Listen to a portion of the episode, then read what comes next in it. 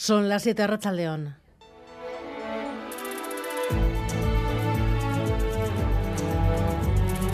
Gambara con Arancha García.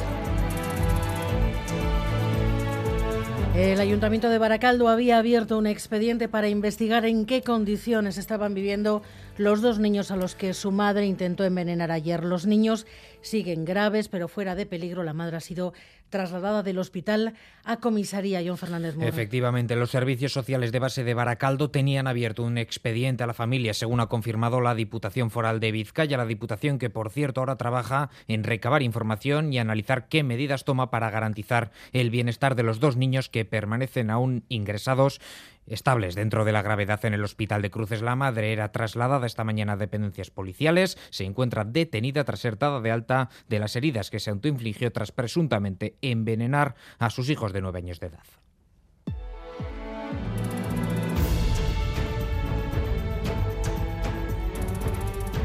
Ahora acabo de decirle a la chica abajo, pero yo no he notado. O, sea, no es poco, no, nada. Yo no he notado nada. Parece que la bajada es, muy pequeña, que no, no será mucha la diferencia. Y no sé, la verdad es que no me he enterado. He comprado unos limones y unas naranjas, pero no me he enterado. Lo único que hacen es volvernos locos, nada más. ¿Qué va? No se nota nada. Eso es un cuento chino para las elecciones, no es nada más esta tarde a la salida de un supermercado de Donostia. Dicen que la rebaja del IVA de los alimentos básicos nos va a suponer un ahorro de algo menos de dos euros. También es más caro coger el coche, han subido los peajes y ya saben, la rebaja de 20 céntimos a los combustibles ya solo es para los profesionales. Amaya Zabala está en un restop de la AP8, poco movimiento por allí hasta ahora. Racha León.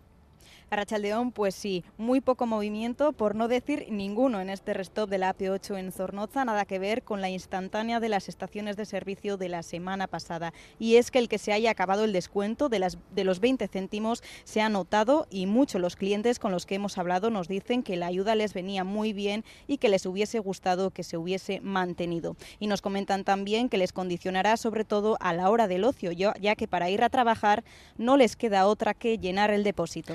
Pues pues habrá que ver qué es lo que pasa a partir de ahora, cómo se van ajustando los bolsillos a estas nuevas realidades. Otra sentencia que corrige la política lingüística de las instituciones vascas, el juzgado del audio que consideró que el euskera era un idioma muy difícil, otro sobre el perfil de la Policía Municipal en Irún y el último sobre una empresa subcontratada por el Ayuntamiento de Baracaldo. El tribunal no acepta que se pida un perfil de euskera con el argumento de que no se puede imponer a los trabajadores de una empresa privada las mismas exigencias que en la Administración Pública. El fallo a partir de un recurso de comisiones obreras. Nosotros creemos que hay que extender el euskera, pero para eso hay que dar facilidades para que el conjunto de las personas que no tienen los conocimientos necesarios puedan acceder. Pero exigir a las empresas privadas y exigir a los trabajadores que caiga sobre sus espaldas, fuera de sus jornadas de trabajo, el aprendizaje de una lengua para mantener su puesto de trabajo nos parece totalmente abusivo. ¿Qué dice la ley? Iñigo Urrutia es profesor de Derecho Administrativo.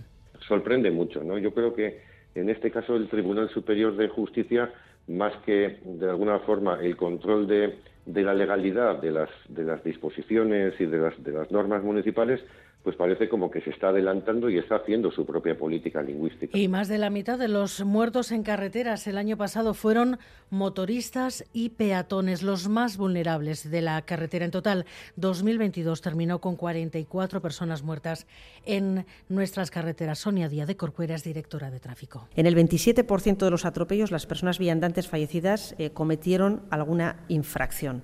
En el 27%. El resto el infractor era el vehículo que les atropelló. Desde luego, saltarse la norma, eh, velocidad excesiva, sobre todo en ámbito urbano. Eh, estamos preocupados y estamos ya trabajando, lo hacíamos antes, pero ahora más si cabe en estrategias dirigidas a la prevención eh, de accidentes en este colectivo tan vulnerable. A las 8 de la tarde entrevistamos aquí en Gambara a la directora del Museo de la Moda de París, a Miren Arzallus. En unos minutos vamos a estar pendientes también de las despedidas de hoy. En el Vaticano a Benedicto XVI a esta hora se cierra la capilla ardiente y en unos minutos Brasil comienza a decir adiós a Pele. Y los deportes, Alberto Negro, a León. A León se ha cerrado la sexta jornada del campeonato de mano parejas con el partido que se ha disputado en el Beotíbar de Tolosa, donde Pello Echeverría y Beñar Rezusta se han impuesto con claridad a la pareja formada por Peña y Mariez Currena. El resultado ha sido de 22 a 12, con lo que los vencedores han logrado su tercer triunfo consecutivo en la competición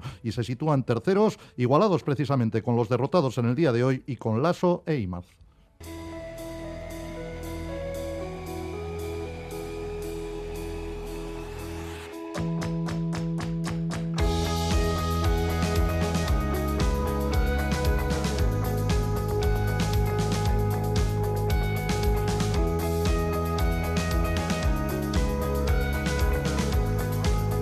2022 ha sido el año más cálido de la historia, 1,8 grados por encima del promedio normal. Son datos de Euskalmet. Según esos datos, las temperaturas medias se han situado entre los 16 17 grados en el litoral y entre los 13 y 14 en el interior. Temperaturas medias, es decir, haciendo la media de los días más fríos y los días más calurosos. La mayor anomalía se registró en el mes de octubre. Fue esa temperatura media 4 grados más mayor de lo habitual para, para ese mes. Hoy el tiempo ha cambiado, han bajado mucho las temperaturas, pero ayer en el primer día de 2023 las temperaturas fueron históricas, sobre todo en Vizcaya. Onitza Salazar es meteoróloga de Euskalmet. Especialmente encontramos esos valores de, récord en, en puntos de Vizcaya y especialmente cerca de la costa. No todo Vizcaya, pero, pero sí encontramos algunos valores que además bueno, pues llaman un poco la atención porque respecto al valor récord anterior, eh, pues supera casi en un grado, en algún caso incluso algo, algo más de un grado. Por ejemplo, eh, en la estación de, Oleta, en Lequeitio, eh, tenemos el valor de temperatura máxima de 24,6, casi 25 grados, y el anterior récord pues era de 23 grados y medio. En Arteaga, por ejemplo, pues el valor máximo de 24,3 y el anterior fue de 23 grados. No solo eh, llama la atención que, la diferencia sea, digamos, grande para tratarse de récords, sino que además los anteriores récords que se dieron en, el año 2016, pues fue a finales de mes, eh, el 24 de enero en ambos casos, los valores más altos. Pero en este caso, bueno, pues se han producido el 1 de enero.